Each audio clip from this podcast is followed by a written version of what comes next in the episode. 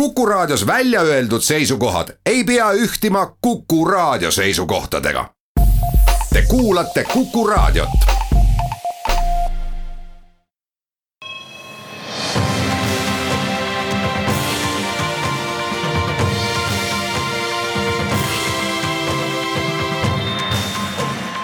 Buum. saadet toetavad Swedbank ja EBS, nähes ja luues võimalusi tere päevast, on viies september, kell on saanud peaaegu kaheksa minutit, üksteist läbi oleme taas eetris Buumi saatega, saatejuhid Anto Liivat ja Ott Pärna uudisteploki avame täna aruteluga selle üle, miks Coca-Colal on plaanis siseneda kohviärisse teiseks räägime sellest, millised on kõige kasumlikumad ettevõtted. arutleme ka selle üle, millised on kvartalikapitalismi poolt ning vastuargumendid ja kas ettevõtete, ennekõike siis börsiettevõtete aruandluskohustuse tihedust peaks vähendama. uudisteploki lõpetame mõtetega, kuidas oma töötajaid suitsetamisest loobuma sundida. meie tänane saatekülaline on aasta noore ettevõtja tiitli kaks tuhat seitseteist pälvinud tarkvara testimise keskkonna Testlio asutaja Kristel Kruustükk, kellelt äh, uurime, milline oli tema teekond ettevõtluse juurde ning äh, milliste väljakutsetega tuleb naisterahvastel tehnoloogiaäris rinda pista aga nii nagu lubatud sai, kõigepealt räägime Coca-Colast. kui me hommikul äh, eelinfo korras selle uudise välja käisime, siis tuli jutuks see, et Coca-Cola on ikkagi suuresti ka spordimeeste ja naiste jook Ähm, tihtipeale just äh, kestvusaladel äh, siis kokajooke pakutakse. aga suur plaan ütleb meile siiski, et kokasarnaste ähm, magustatud karastusjookide tarbimine maailmas on langustrendis. inimesed otsivad ähm, tervislikumaid alternatiive ning nüüd püüab ka Coca astuda järjekordse jõulise sammu oma tooteportfelli mitmekesistamise suunas. ostes ära Suurbritannia kõige suurema kohviettevõtte Costa Coffee enam kui viie miljardi dollarist jah, et Costa on tegelikult maailma suuruselt teine eh, coffee shop, mitte ainult siis, eh, mitte ainult Ühendkuningriigis, aga ma pean ikka selle spordimeeste poole ära õiendama, et Coca-Colat jah, tarbitakse sporti tehes küll, aga tihtipeale võistluse lõpupoole ja tegemist on kiirete süsivesikutega, et kui sa seda tarbima hakkad, siis sa pead seda iga joogipunkti jooma. et sulle võib-olla õrritamiseks, et eh, ütleme viimases viies või kümnes kilomeetris näiteks Ironmanil juuakse Red Bulli. Et, et aga see ei tähenda, et seda peaks kogu päev jooma, aga see on siis viimase puraka saamiseks. Kristel, kuidas sulle meeldiks osta või juua kohvi, mis tegelikult tuleb nii-öelda Coca-Cola saeveskist?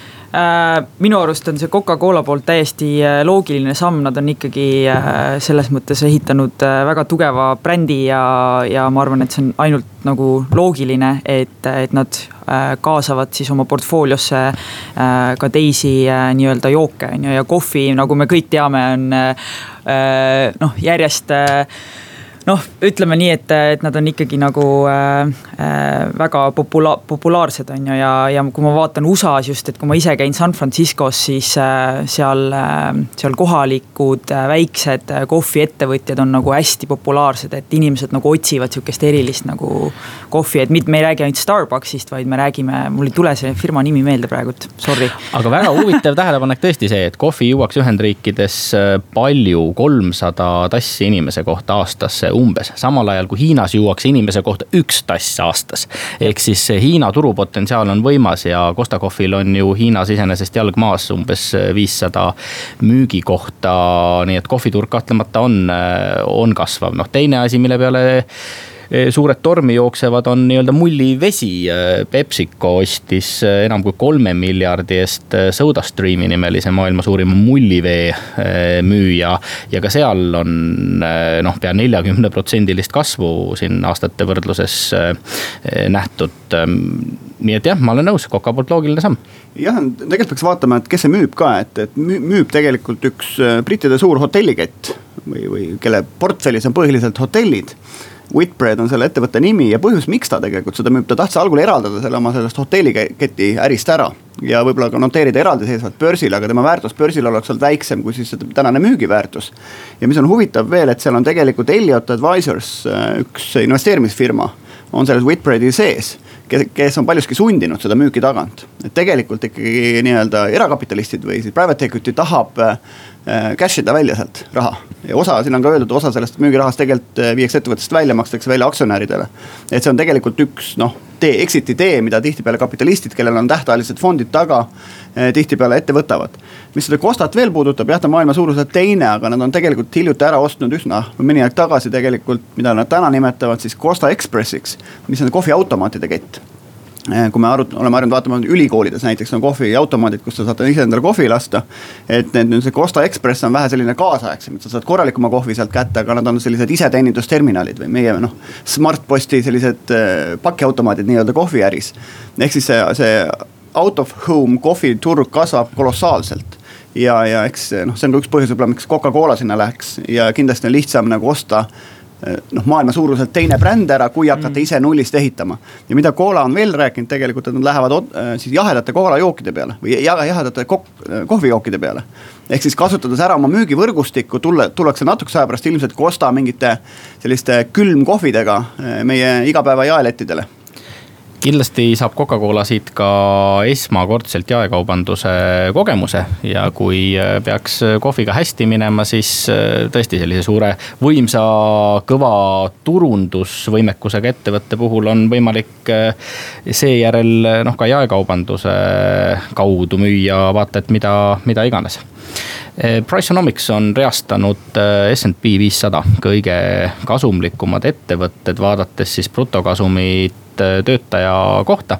ja noh, kui, kui seda nimekirja vaadata, siis tulevad sealt üsna selgelt välja noh, muidugi tehnoloogiaettevõtted, aga ka energia ja, ja tervishoiu valdkonnas toimetavad ettevõtted. noh, Kristel, sulle võib-olla tehnoloogia valdkond on praegu kõige südamelähedasem.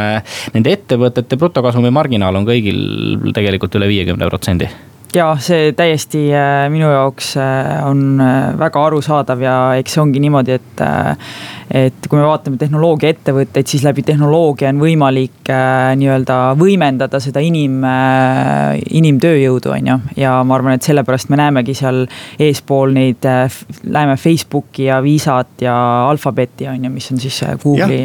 et kui tehnoloogias on skaleeritavus see, millega ehk siis kirjutad koodi ja müüd seda siis kümme või kümme miljonit korda, väga vahet ei ole, eks mm.. et et, et siis teistpidi need utility'd, energeetika, vesi, kõik need, noh, neil on selge, et kui sul on suured torud, mida mööda mingisugune asi voolab, eks.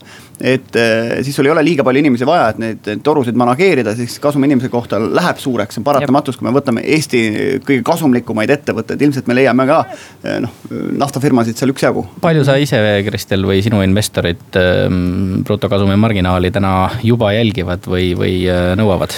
Äh, me ise jälgime, et see ei ole nagu hetkel veel nagu nii-öelda investorite poolt nagu nõutud, on ju, aga, aga meie jaoks on ka hästi oluline see nii-öelda testijate tööd võimalikult palju automatiseerida ja siis anda nagu just inimestele meie seal community's äh, võimalikult palju nagu sellist tööd, mida ei ole võimalik automatiseerida, et täna on meil siiski veel päris palju, päris suur number on see, et. Äh, et kui, kuidas need testijad seda tööd teevad ja et, et meil on väga palju automatiseerimata veel. mis see marginaali number olla võiks, et sa oma sõnadega välja jookseksid? veel ei ütle võib-olla kolmas selline läbivaldkond tegelikult lisaks tehnoloogiale ja utility tele on äh, finantsvahendus kui samamoodi on marginaalid ikkagi hästi kõrged, ehk siis äh, lugupeetud startup'erid, et, et sealt on ikkagi veel midagi võtta. Kuulame nüüd ära reklaamipausi ning seejärel jätkame.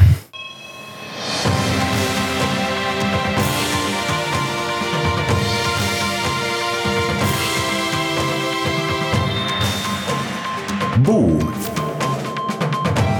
saadet toetavad Swedbank ja EBS, nähes ja luues võimalusi oleme tagasi Buumi eetris, saatejuhid Anto Liivet ja Ott Pärna. meie tänane saatekülaline on aasta noore ettevõtja tiitli kaks tuhat seitseteist pälvinud tarkvara testimise keskkonna Testlio asutaja Kristel Kruustükk, kes aitab meil ka uudiseid äh, kommenteerida. mõni saated tagasi rääkisime sellest, kuidas Elon Musk äh, soovis Tesla börsilt ära viia ja üks peamiseid argumente seejuures oli vajadus äh, juhtida ettevõtet tema pikaajalist arengut silmas pidades selmet siis äh, olla kvartaalselt investorite pideva surve all. Ja tõsi, ütlevad ju juhtimisteadlasedki, et äh, sellise nii-öelda lokaalse või pideva maksimumi tagaajamine pikas perspektiivis jätkusuutlikkusele mõjub kehvasti. ja nüüd ka president Donald Trump on siin augusti keskpaigas teinud äh, ettepaneku vähemalt uurida ja analüüsida, kas äh, avalike ettevõtete aruandluskohustuse ei peaks lükkama nii-öelda pikemale ajaplaanile, ehk siis kvartaliaruannete asemel paluda ettevõtetel või kohustada neid avalikustama ainult poolaasta aruandeid. Euroopa Liidus, Ühendkuningriikides on üldiselt läinud nii, et, et ikkagi avaldatakse neid kvartaliaruandeid jah, huvitav on ka see, et, et selle soovituse andis talle Pepsico juht, kes varsti on ametit maha panemas ja Pepsico teadupärast on demokraatide jook Ameerika Ühendriikides, Coca-Cola on ikka vabariiklaste jook, et siis demokraatide ettepanek on võetud siis nagu tõsiselt, aga aga jah, et ühelt poolt on muidugi poolt vastu, poolt argumendid on need, et poolaasta aruannete näol annab see ettevõttele suurema paindlikkuse, vähem survet sellisel lühiajalisel kasumil, iseasi, palju see pool aastat on siis pikem kui kvartal, eks ta on ikkagi suht lühiajaline. aga siin on teistpidi ka selliseid noh, ütleme negatiivse poole pealt tuuakse välja seda, et sisetehinguid on lihtsam teha. ehk siis, et rohkem infot on käes tegelikult ettevõtte juhtidel ja siseringil kui siis turgudel. Et selline kvartalikapitalism on pigem selline mm, läbipaistev ja selline noh, ettevõttest just läbipaistvust nagu rõhutav, et äh, raskem on igast kuritegusid teha, kui, kui et kui aruandlusperiood läheb hästi pikaks avalikel ettevõtetel. et sest kauplemine on ju igapäevane, et kui me anname informatsiooni hästi suure intervalliga pluss on see, et kardetakse, et ettevõtted hakkavad teatud valeotsuseid varjama. et kui kvartaalselt sa pead neid ikkagi välja tooma, siis mida pikemaks läheb tsükkel, seda rohkem sa saad nii-öelda ära elimineerida kõik oma valed otsused ja näidata ainult häid otsuseid mm. -hmm Kristel Facebookil oli ka vist vaata see, äh, nad äh, mängisid nende kasutajate numbritega natukene ja seal, et. kui tihti sa investorile, Kristel, aru annad? Äh, meie anname igakuuse, igakuiselt aru niimoodi nii-öelda, et me lihtsalt track ime automaatselt kogu aeg oma numbreid ja siis, kui tuleb kuu lõpp, siis me lihtsalt saadame selle oma investoritele ja siis alati räägime ka nagu natukene taustainfot, et miks, miks sellised numbrid või et, et kuida-, kus maal me oleme siis nii-öelda nende kvartali või aasta nagu tulemuste osas. milliseid numbreid sa oma aruandes näitad, et kas jutt on kasumist, äh, käibest või pigem, ma ei tea, kasutajaskonna kasvust, kliendi rahulolust? jah, et äh, otse loomulikult tuleb nagu ettevõttepõhiselt neid numbreid võtta, et meil on hästi oluline muidugi on ju see kasum äh,, klientide nii-öelda äh, noh, klientide arv on ju, meie testijate arv, et kui palju meil on kvaliteetseid testijaid, kui palju see number on kasvanud, on ju, et, et sellised palju teil täna on testijaid? Äh, üle kümne tuhande, äh, nii et äh, päris, päris palju juba aga selle peale oled mõelnud, kui peaks nüüd ühel hetkel börsile minema, siis äh, kas mõistlikum või parem oleks anda kvartaalselt aru või, või korra poolaastas? mul on nii äh, raske kommenteerida seda, et, äh, et noh, meile pole see raporteerimine veel nii-öelda igakuiselt nii-öelda takist, takistanud midagi, on ju, et me kogu aeg mõtleme selle suure pildi peale ja meie investorite kogukond on piisavalt väike, on ju, et kõik saavad aru sellest, et noh, et kui sul see kvartal ei läinud nagu, ei jõudnud oma numbriteni, et sul on seda võimalik järgmine kvartal teha, aga muidugi, kui sa oled börsifirma, sul võib seal olla aktsionäre nagu tuhandeid, on ju, et. et siis see et inimesed tahavad seda kindlust vaata. mida rohkem on tegu nagu sellise dividendiaktsiaga ja sellise ettevõttega, kes toodabki rahulikult kasumit, seda ja. rohkem ongi oluline see kasumi ja käibenumbrid, eks mm, -hmm. mida rohkem me räägime sellisest startup'ist, kus tegelikult ikkagi müüakse ja usutakse mingisugusesse tuleviku väärtusse, siis. ütleme, need numbrid, mida siis raporteeritakse ka investoritele, on pigem sellest tingituna, isegi kui seda kasumit lühiajaliselt ei ole, ma ei tea, Transferwise'i näide, et. ta võib seda kasumit näidata, võib mitte näidata, aga tegelikult tema pika perspektiivi edukust näitavad hoopis teised numbrid, mitte mm see, et, et kas Äripäev ütleb talle, näitab punast kaarti, et teate, kui sa kasumit ei teeninud. ja noh, muidugi kui investorid huvitatud äh, on, siis äh, infot nad äh, küsivad ja, ja ettevõtte juhte ikkagi tülitama kipuvad ja kui infot ei saada, noh siis hakatakse seda, seda muidugi ka välja mõtlema, siis hakkavad liikuma igasugused kuulujutud ja spekulatsioonid ja, ja miks mitte ka, ka meedias, eks ole, et. et küllap ka see on võib-olla üks põhjus, miks ettevõtted tihtipeale vabatahtlikult ikkagi neid kvartaliaruandeid esitavad ja, ja püüavad hoida investorit ajakohases infoväljas. Väljas, aga läheme siit edasi, jõuame ühest uudisest veel rääkida Bartoni ärikool on äh, meile vahendanud äh, uuringuid, äh, mis puudutavad seda, kuidas innustada töötajaid suitsetamisest loobuma ja eks neid võtteid, trikke on ju ettevõtetes kasutatud erinevaid. tõsistel suitsumeestel ja naistel kulub selle suitsetamise peale tööpäevast oluline hulk aega. noh, lisaks muidugi tervislikud ähm, tagajärjed, mis ei pruugi kõige vahvamad äh, olla, aga ometigi suhteliselt vähesed sellised tööandjate initsiatiivid äh, suudavad inimeste käitumisharjumusi muuta jah, et võib-olla kui natuke taustast rääkida, et palju inimesi üldse suitsetab, siis mul on all Ameerika Ühendriikide numbrid. üle kaheksateist aastastest viisteist ja pool protsenti siis suitsetavad, äh, enam mehed kui naised et sajast mehest kaheksateist, sajast naisest neliteist suitsetab. ja mis on huvitav, on see ja enamus suitsetajad on sellised kakskümmend viis kuni kuuskümmend neli vahemikus, et väga palju alla kahtekümmend neli ei suitsetata ja siis üle kuuekümne viie mis on huvitav, on see, et, et siin on väga tugev korrelatsioon tegelikult koolihariduse ja suitsetamise ähm, siis selle tõenäosuse vahel, et kui ütleme, kui siin graduate degrees, mis on siis, äh, me räägime siin magistridoktorid, eks. viis protsenti suitsetab, undergraduate degrees kaheksa protsenti sinna allapoole tulles seitseteist, üheksateist, kakskümmend, nelikümmend üks protsenti. et, et selles mõttes, et mida vähem haritud inimene ja samamoodi on see sissetuleku detsiilidega, et mida vähem inimene teenib, seda rohkem suitsetab. mis on omamoodi seotud ilmselt haridusega, seetõttu vähem haridust, seda viletsam palk ja elustandard, eks.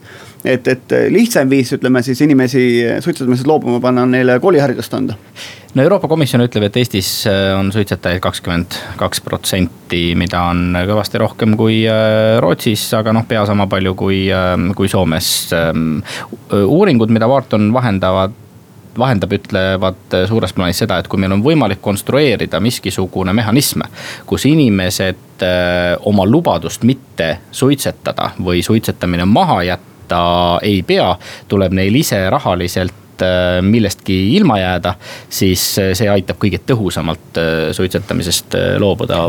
milliseid mõtteid sinul, Kristel, tekkis? oi äh,, mulle, kui ma seda artiklit lugesin just sellest suitsetamisest loobumisest, siis äh, see raha äh, on, ma arvan jah tõesti aitab nagu kaasa ja noh, teine asi, mis mina mõtlesin, on see, et. et on hästi palju selliseid äh, sotsiaalvõrgustikke või rakendusi ehitatud, mis siis äh, annavad sulle võimaluse nii-öelda panna oma eesmärgid sinna rakendusse kirja. ja siis sul on mingisugune mentor sealt rakendusest siis, kes ütleb sulle nagu iga päev tuletab meelde, et vaata, et sa ei suitseta või ära tee seda või teist, et. et ma arvan, et see, äh, see nagu kellegi teise nii-öelda pressure aitab ka hästi palju kaasa, et, et, et sellest loobuda nagu. oled sa testinud? Estlios püüdnud kuidagi töötajate käitumist noh, mingisuguses soovitud suunas kujundada, selleks mingisuguseid põnevaid nükkeid välja mõelda? Äh, ei ole, sest et äh, kui aus olla, siis Estlios äh, ei ole suitsetajaid, et on ainult üks või, või kaks inimest tegelikult, kes, kes suitsetavad, nii et ma ei ole nagu ise ei ole tundnud nagu vajadust. see on päris huvitav, et siin Ameerika statistika ütleb seda, et, et lesbid ja geid suitsetavad rohkem kui straight inimesed. ehk siis, et telliskivis, et kas inimesed pigem suitsetavad või mitte. hipsterid näiteks ma ei ole kusjuures tähele pannud ja minu arust on ikkagi, äh, kui me vaatame nagu aastate lõikes, ma kujutan ette, et kümme aastat tagasi oli see suitsetamiste, suitsetajate arv oli nagu palju-palju suurem, on ju, et, et nüüd see suitsetamine on hästi raskeks tehtud, on ju, sul kasvab see suitsupaki hind on kasvanud, on ju. kui sa lähed klubisse, siis sa pead kuskile eraldi ruumi minema. kui sa oled kontoris, sa ei saa enam kontoris suitsetada, sa pead reaalselt nagu alla korrusele minema kuskile suitsetajatele eraldi mõeldud kohta minema, et see, see kõik teeb selle raskemaks, ma arvan, et võib-olla see aitab ka väga paljudel inimesest, inimestel sellest äh, loobuda. kuulame nüüd ära päevauudised ning seejärel jätkame.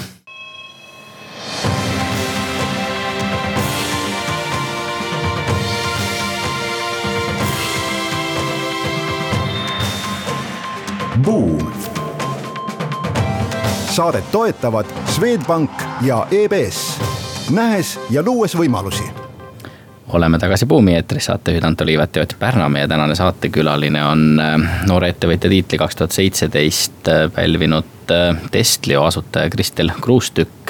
me siin uudistepausi ajal arutlesime ettevõtjaks olemise üle, Ott ütles, et mõnikord näed mõnda sõpra startup'erit näost ära vajunud, hall, väsinud, kurnatud. sina, Kristel, näed igati roosa ja rõõmus välja, kuigi alustasid juba aastal kaks tuhat kaksteist, oled tänaseks kaasanud üle seitsme miljoni euro investorite raha.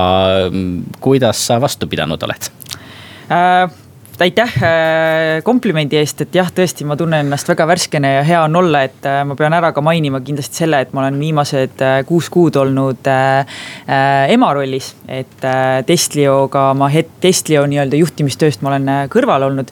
aga kui rääkida siis sellest elust enne lapse saamist, et, et minu arust on startup'is tihtipeale ongi, me räägime sellest hustle kultuurist, et äh, kõik panustavad oma töösse kakskümmend neli seitse ja ega muud moodi sa edukaks ei saagi, on ju. ja, aga tegelikult reaalsus on see, et ikkagi, kui sa tahad olla efektiivne ja tõesti tuua tulemusi, siis sa pead ka enda eest väga palju hoolt kandma ja ma paar aastat, ma arvan, et eelmisel aastal kirjutasingi ühe blogipostitusega sellest, et kuidas mina olin läbipõlemise äärel. Ja, ja mis mind aitas sellest välja tuua, oli see sport ja see enese eest hoolitsemine. et see on, ma arvan, kindlasti see, millest on väga oluline rääkida selles. kuidas sa selle emapuhkuse investoritele maha müüsid äh,?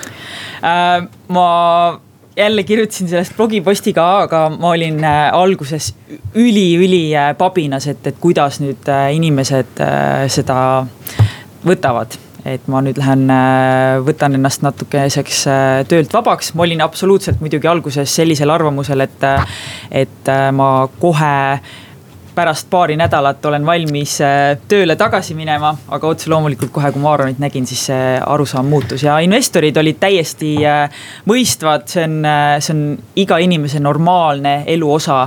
ja, ja kuna meil on nagu Markoga väga tugev sünergia, me oleme elukaaslased, abikaasad, et, et investorid ei näinud selles mingit probleemi, et ma kindlasti muretsesin üle. sa ütled, et sa oled kodune, ometi sa viisid, kui sa nüüd stuudiosse tulid, viisid lapse endale tööle, et kas sa viisid ta mehe juurde või teil on mingi lastenurk seal või? Äh, viisin, äh, noh, meil jah, kõik äh, seal armastavad Aaronit, nii et panin ta sinna magama ja, ja et ilmselt ta magab nüüd, kui ma tagasi lähen.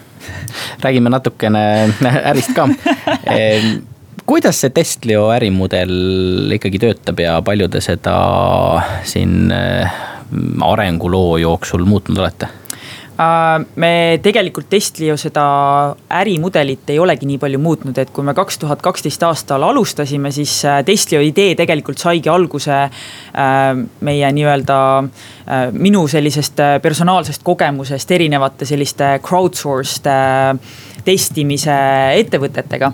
ja, ja ma nägin seal sellist probleemi, et testijate aega ei hinnatud ja inimeste vahel puudus koostöö.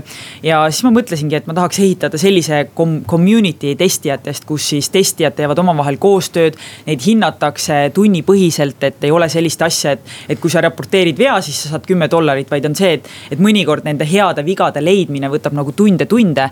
et äh, mis minul juhtus, oli see, et, äh, et ma tihtipeale nendes konkurentide nii-öelda erinevates erinevates ettevõtetes. ma lihtsalt tundsin, et, et minu aega ei väärtustata ja, ja nende heade bugide leidmine jäi nagu pigem tahaplaanile. ja Testlio äriplaan siis täna toimibki selliselt, et meil on siis kliendid, meil on USA-s äh, müügitiim, kes siis müüb äh, meie teenust suurtele ettevõtetele nagu Microsoft, äh, NBA. ja meie siis paneme oma te community testijad nende ettevõtetega kokku ja siis meie nii-öelda vastutame kvaliteedi eest. aga kas see müügitiim ei oleks saanud olla Eestis Euroopas, et miks just USA, miks San Francisco uh,? USA-sse me läksime puhtalt sellepärast, et kaks tuhat kolmteist aastal me käisime läbi ühe maailma kõige parema äh, ärikiirendi programmi nimega Techstars ja, ja siis äh, üsna pea kohe peale seda äh, meie nii-öelda nõustajad siis Ameerikas ütlesid, et, et kui te tahate nii-öelda tugevalt enda jalga siin kinnitada, et siis äh, ehit- nagu tehke endale siia Ameerikasse tiim ja siis me palkasimegi oma esimese müügiinimesi San Franciscosse. ja nüüd see tiim on nii-öelda seal kasvanud nagu. sul on üle kuuekümne inimese firmas, palju USA-s on nendest äh,? hetkel on seal vist viisteist, jah, viisteist inimest kuidas sa leidsid hea müügiinimese või palju sa oled pidanud äh, neid aja jooksul välja vahetama? Äh, meie leidsime heas müügiinimese tänu oma tutvusringkonnale, et äh, kaks tuhat kolmteist aastal äh, me ehitasime väga sellise tugeva sideme paari väga hea nõustajaga läbi selle Techstarsi programmi. ja siis nemad hakkasid meil tegelikult aitama seda järgmist sammu oma ettevõttes teha, et meil oli kaks tuhat neliteist aastal oli siis selline koht, kus mina tegelesin müügiga, Marko ehitas nagu platvormi, me olime mõned, me olime projektijuhi palganud Testliosse ja siis äh, meil advisor ütles, et okei okay,, et kui te tahate nüüd, et te peate nüüd nurka suruma, et teil on nagu kliendid, teil on. Äh, inimesed on nagu õnnelikud teie platvormil, et te peate selle järgmise sammu tegema, et palgake müügiinimene ja siis äh, meie advisor'id reaalselt aitasid leida meil selle kandidaat, neid kandidaate ja lõpuks siis leidsimegi sellise toreda inimese nagu Michelle, kes, kes siiani juhib Testlios siis meie müügitiimi. kas see Ameerika tiim on selline iseseisev või, või püüad sa teda siit Telliskivist juhtida?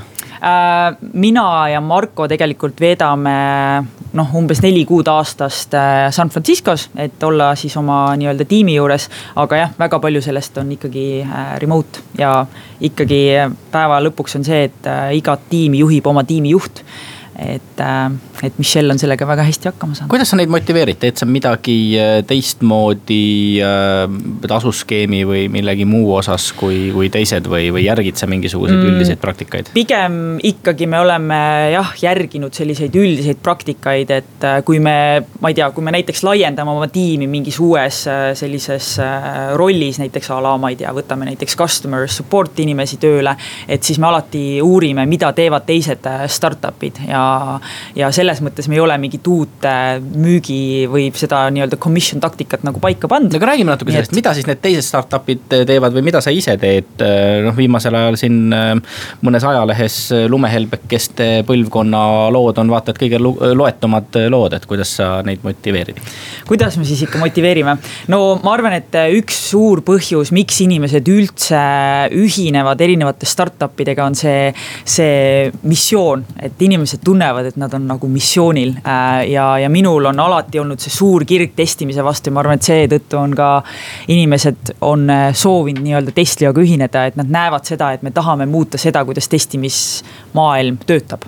ja, ja ma arvan, et üks kindel, kõige suurem põhjus on, ma arvan, võib-olla see, miks inimesed tulevad. ja siis me hakkame rääkima sellest, et okei okay,, et meil on nagu, kuidas me üldse oma tiime juhime, et me oleme hästi läbipaistvad, me saadame iganädalaselt äh, oma tiimile nii-öelda update'e selle osas, et äh, mis me saavutasime, millised on probleemid äh,, et me oleme, püüame võimalikult läbipaistvad kõigiga olla. et kõik tunneks, et nad on kaasatud sellesse, kuidas Testliol läheb.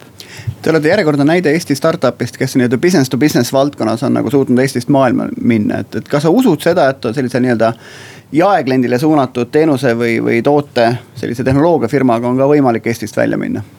ma arvan, et kõik on võimalik raud, raudselt kõik on võimalik, et äh, ma ei, äh, ma ei ütle, et äh, Eestist tehes ei ole midagi võimalikku, et siit ma olen näinud, et et isegi mina, kes äh, ma ei olnud mitte mingisuguse müügikogemusega, suutsin minna ja müüa Ameerika ettevõtetele meie teenust. Äh, ja nii ongi. kuhu sa järgmise kontori teed? Noh, praegu on meil San Francisco, Tallinn ja Tartu. aga ma arvan, et võib-olla me ikka pigem juba vaatame isegi sinna suunda, et äh, näiteks ühel päeval võib, võikski olla selline remote äh, töötamise võimalus, et sa võidki olla kus, kus iganes äh, maailma otsas sa tahad olla, et. et ma arvan, et see on ka see, kuhu maailm väga suuresti liigub, et jah, nii on.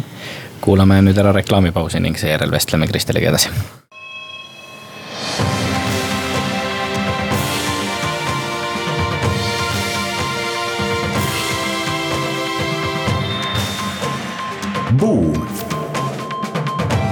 saadet toetavad Swedbank ja EBS, nähes ja luues võimalusi oleme tagasi Buumi eetris, saatejuhid Anto Liivet ja Ott Pärna, meie tänane saatekülaline on noore ettevõtja tiitli kaks tuhat seitseteist pälvinud tarkvara testimise keskkonna Testlio asutaja Kristel Kruustükk.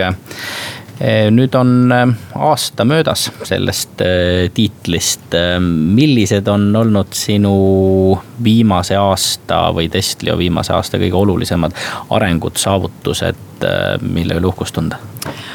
oh, ma arvan, et minu jaoks kindlasti alati kõige suurem asi on see, kui äh, meil on äh, kliendid, kes armastavad meie teenust, uuendavad meie nagu nii-öelda lepinguid, et see on alati sihuke kõige suurem saavutus ja kindlasti äh, on märkimisväärt ka see, et me oleme tehnoloogia arengu osas väga suure sammu võtnud, et automatiseerida meie nii-öelda testijate tööd võimalikult palju, et, et see on, ma arvan, see kõige suurem areng, mis Testlio siis selle viimase aasta jooksul teinud on lisaks ähm, sinule on äh, aasta nooreks ettevõtjaks äh, valitud ka Markus Villing Taxify'st, Indrek Ulst Moon Cascade'ist. Äh, igati väärikas seltskond ähm, kandidaate on võimalik esitada veel kuni seitsmenda septembrini. keda sa tahaksid ise näha käesoleva aasta nominentide hulgas?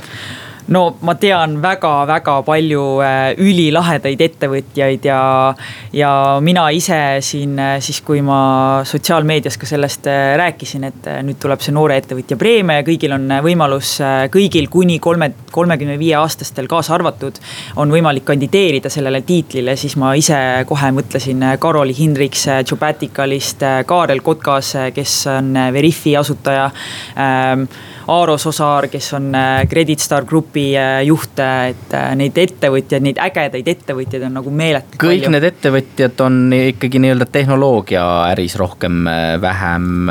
Eesti startup ettevõtted suutsid eelmisel aastal rohkem raha kaasata kui kõik Aafrika startup ettevõtted kokku miljard ja miljon inimest, muljetavaldav tegu. kuidas me siis ikkagi nii head oleme?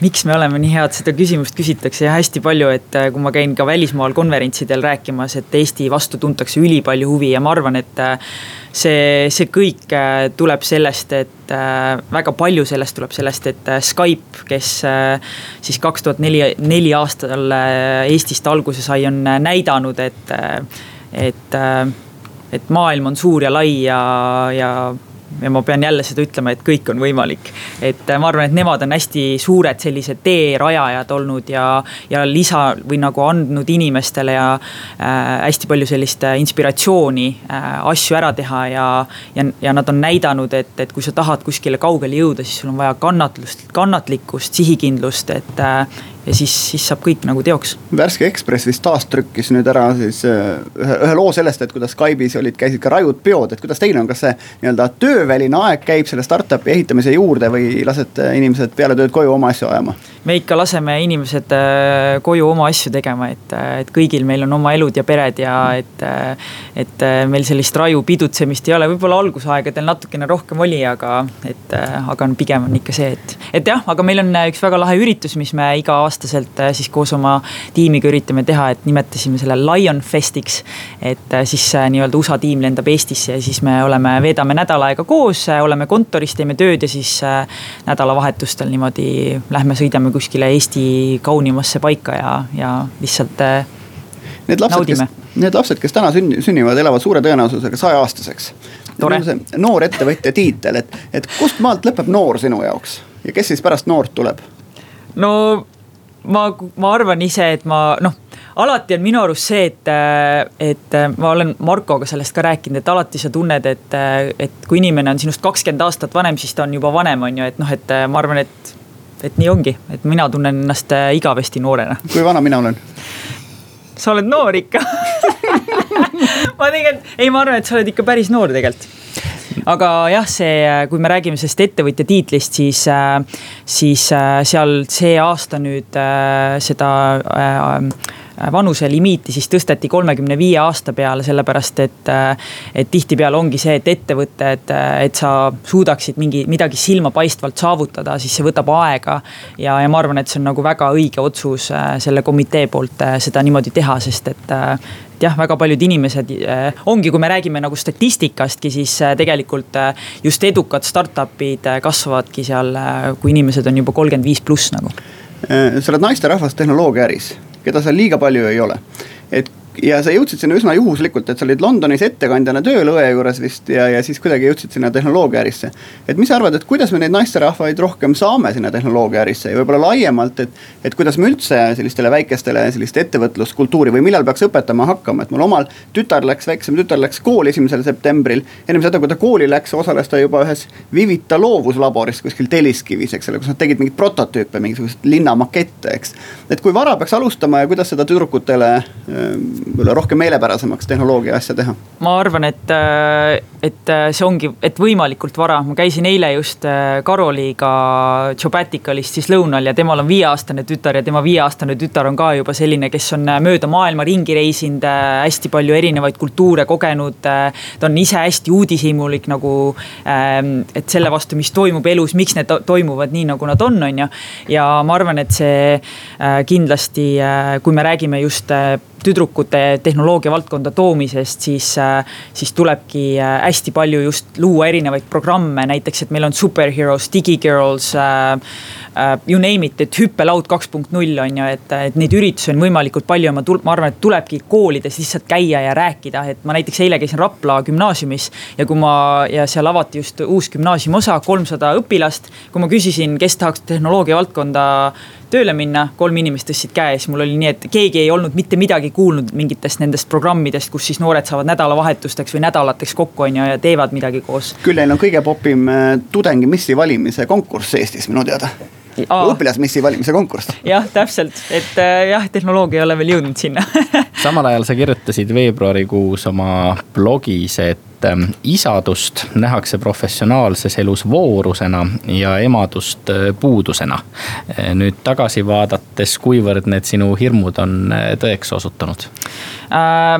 ma se-, sellega pean veel kindlasti nii-öelda äh, Äh, seda ma ikkagi veel usun, et see nii on, et äh, kui ma räägin äh, erinevate inimestega, naisettevõtjatega, et, et see kahjuks on niimoodi, et tuntakse, et neid, et kui ma nüüd jään lapsega koju, siis mind nii-öelda lükatakse kohe töökeskkonnast eemale et kahjuks see nii on, aga isad, isade puhul on see, et oi, sa said lapse, et nüüd sa oled kindlasti oma ajaga palju efektiivsem, produktiivsem, aga et emad ei suuda nagu kahte asja korraga teha, et töö ja nagu pereelu, see ei ole nagu võimalik. kas see on stereotüüp, sest et meil on hästi palju stereotüüpe, siinsamas Kuku raadios ukse peal ühe korra, ma unustasin, mul laps käib aeg-ajalt kaasas siin, unustasin mingi lapse riide siia, ahah, mees, isa, muidugi unustad asjad maha, eks. et, et isadega on samasugused stereotüübid, et, et äkki see on natuke stereotüüpne, et sul praegult ka laps on kontoris, midagi ei juhtu. Ei juhtu jah, tegelikult, et äh, mul on seal palju naisterahvaid rahvaid ka. aga ei, tegelikult Marko saab nagu mega hästi, et Marko on, ma arvan, parim isa üldse. et, et aga jah, siin on kindlasti stereotüübid ja kui me räägime tehnoloogia valdkonnastki, siis endiselt on seal see mõttemaailm, et tehnoloogia on pika patsiga poiste eriala ja et inimesed, et tehnoloogia inimesed on sellised introvertsed ja ei taha nagu välismaailmaga suhelda, aga tegelikult no, tehnoloogiafirmades on palju koerasid, et teil on ka üks, äkki see koerast hakkab see nagu see vabameelsus ja selline võrdõiguslikkus pihta või? ma ei tea, ei, ma ei usu, et see, seda on, aga jah, meil on äh, tõesti üks väike äh,, väike koer, suur koer, Ameerika Akita, selline nimi on Tikker ja, ja ja tõesti lisab sihukest kodusust ja hubasust ka meie, meie keskkonda ja ma arvan, et see on üks äh, et see, mina näiteks olen ka naisettevõtja, Tesla juht, ma arvan, et see on kindlasti loonud Teslios ka sellise keskkonna, et naised nagu julgevad rohkem meile tööle tulla, et nad juba näevad, et me oleme hästi mitmekesine nagu tiim, on ju, et, et see on sihuke nagu hea alus, kuhu tulla. sul on juhtivtöötajad pigem eestlased ja, ja teised pigem välismaalased, et äh,? meil juhtiv äh, nagu see leadership tiim on äh, hetkel äh, ikkagi Eestis jah, et äh, müügijuht on siis nagu Ameerikas. meil on üks minut saate lõpuni aega jäänud. Ähm, kui me aasta pärast äh, siin Buumi saates uuesti kohtume, siis äh, kus sa ennast ja Testliot näed, elik millest sa unistad? ma unistan sellest, et et, et me oleme automatiseerinud väga suure osa sellest tööst, et, et ilma, et me peaks inimesi juurde palkama, me suudame oma tehnoloogiaga oma teenust kõrgkvaliteediliselt pakkuda aitäh, Kristel, meile külaliseks äh, tulemast. Äh, soovime sulle edu oma unistuste elluviimisel ja loodetavasti kohtume kunagi tulevikus äh, ka Buumis jälle. meie oleme Otiga eetris täpselt nädala pärast, seniks kuulmiseni.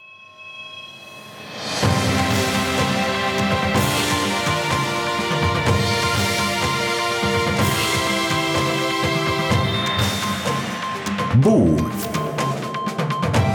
saadet toetavad Swedbank ja EBS, nähes ja luues võimalusi